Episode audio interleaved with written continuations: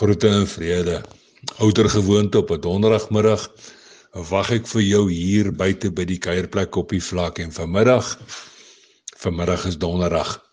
My naam is Haie Kronje en ek in die mooiste mooi woon, werk en kerk hier aan die Kalahari kant van die land. Vanmiddag lees ons in die 2020 Afrikaanse vertaling die baie bekende 6de versie van Jakobus 1. En daar staan geskrywe: maar hy moet in die geloof vra sonder om enigsins te twyfel. Want wie twyfel, is soos 'n golf van die see wat deur die wind rondgeruk en voortgesleep word. Vanmiddag se storie se naam rond staan met twyfel.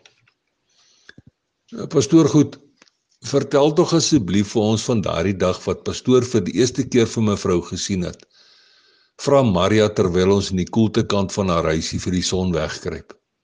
Ja, ons wil hoor van daai eerste spore wat sy in pastoor goed se binnekant getrap het. Borrel dit oor ou Anna se lippe. Ek dink pastoor goed het dadelik geweet. amper kies iets soos soos love at first sight nes op die televisie. Nou Maria en ou Anna se versoek maak dat my dink op slag aan een spesifieke woensdag aand in Oktober Dis nou so wat 4 dekades gelede, ek terugdink. Iewers in die vroeë 80er jare het ek haar op 'n sokkejol vir die eerste keer gesien. Sy het 'n blou en wit toppie met horisontale strepe, 'n spierwit langbroek en plat wit sandaaltjies aangetree. 'n Skouerlengte rooi hare het haar gesig omvou sodat haar helderige groen oë beklemtoon was. Maar wat my egter vasgegryp het, was die spontane wye glimlag waarmee sy die destydse NKP se normaal saal opgehelder het. En daardie spesifieke aand het ek haar in stilte op 'n afstand beskou. Ek het gewonder en ek het geweet. Ek het sommer net daar en dan geweet dat hierdie meisiekind spesiaal is. Baie spesiaal en vol potensiaal en dit dit sonder dat ons 'n woord met mekaar gewissel het. Amper. Net soos Abraham se slaaf wat in Mesopotamië in opdrag van sy heer vir Isak 'n vrou moes gaan soek het. Maar die twyfelstryd op daardie oomblik in my kop was erg. Twee uiters bekwame redenaars het mekaar 'n verbeete stryd tussen my twee ore aangesê Terselfdertyd was my bene bewerig lam, my asem vlak en my gesig het geblink van die sweet. Dit was voorwaar erg. So erg dat ek eers op die eerste en beste stoel moes gaan sit het.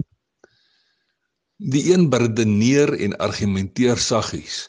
Hy is doelgerig gefokus op die mooi, die beloning, die resultaat, die erkenning en selfs genoegdoening. Die ander een daarenteen 'n bassein mislukking en afjakking, vernedering en verkleinering uit.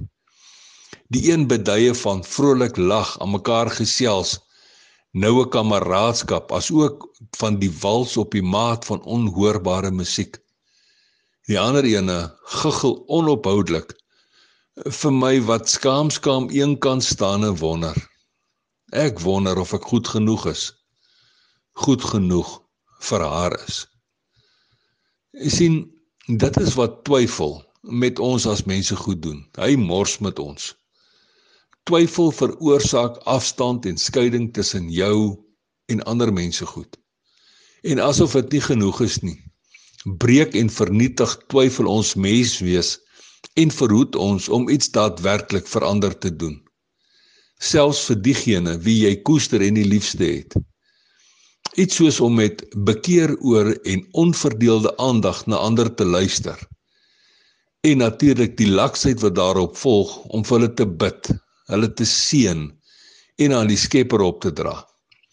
Dan praat ek nie eers om iemand hand te gee met 'n geldjie of 'n bietjie kossigheid wanneer hulle voor dwarsduine vol sukkel en swaar kry staan nie.